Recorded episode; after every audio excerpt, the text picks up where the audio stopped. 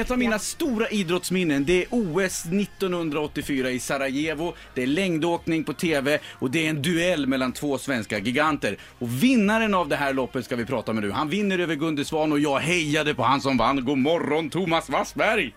Ja, hej du. Hej! Hur är det?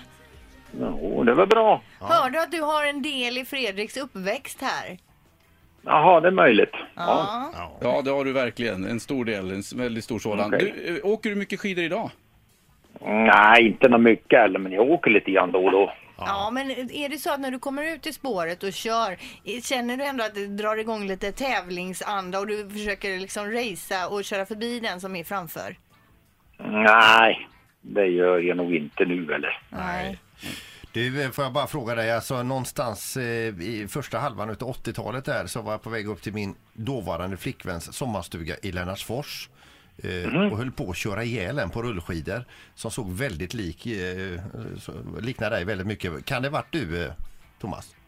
Det är nog inte omöjligt, för jag tror inte det var just då var det nog inte så många andra som åkte där nere. Nej. Det vore så jävla typiskt Sandholt om du hade liksom pröjat av Thomas Wassberg Ja. av vägen. Men nu gjorde jag inte Det det. hade varit i helt led linje med din eh, personlighet. Ja, vi är glada för att det inte blev så i alla fall, Thomas. Ja, ja. Det händer ju så mycket runt dig. Jag har egentligen massor med frågor om skidåkning, men nu är det dans för din del också va? Ja, det har helt plötsligt varit något sånt ja. Du ska vara med i Let's Dance. Mm. Och hur många år tog det att övertala dig? Ja, mm, flera år höll jag på att säga, men eh, det tog ett antal månader ja. Ja. Men du Thomas, det är ju så att våran eh, kompanjon Fredrik här, han ska ju åka öppet spår nu på måndag. Han åker Mm. eh, i stort sett otränad. Han har inte haft framme skidorna på flera år här. Eh, Mm. Men han tror på sin mentala styrka och på sina armmuskler. har du några eh, tips till honom?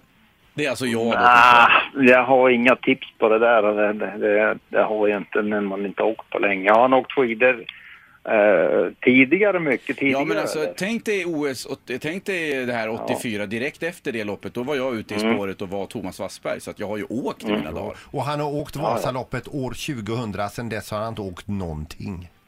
Okej. Ja, men då har du lite talang då. Men då tror jag nästan största faran för dig det är nu att du börjar för hårt, att du börjar åka för fort helt enkelt. Ja, ja, han ska eh, sega lite i början där och sen Ja, eh, jag tror det känna är efter. bäst att göra. Mm. Du eh, Thomas, om du skulle kunna gå in som mental coach lite i förväg här nu, om, när det börjar kännas riktigt motigt för Fredrik eh, här under Vasaloppet eller Mm. öppet spår. Hur ska han vända något ne- negativa tankar till Ja positiva? hur gjorde du? För du har ju ändå haft... Mm. Nej, men har du bestämt dig för åkermål, då är det bara att bita i det sura äpplet. Det kommer att göra ont och du kommer att bli trött, men det är bara att bita i det. Har du bestämt dig så är det bara att göra. Men var det så du tänkte när det begav sig? Ja, ja. Jag tycker du ska tänka på Gustav Vasa. Lägg av! Han åkte ju också Ja, jag otränad. menar det. Men du Thomas, vad är det längsta du har åkt på en eh, dag?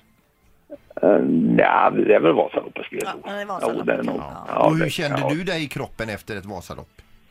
Det är olika. Jättetrött någon gång och någon gång var jag inte alls så trött. Nej. Nej. Men alltså du väger ju mycket mindre än vad Fredrik gör och framförallt så har ju Jaha. du tränat hela ditt liv också. Fredrik här, vi är oroliga Thomas. Nej, det behöver de inte vara. Thomas, jag är så glad att vi fick prata med dig och så håller vi tummarna järnet för dig i Let's Dance ska du veta. Ja, ja, men det låter bra Det det. är bara att släppa loss. Ja. Ja, Mjuka höfterna!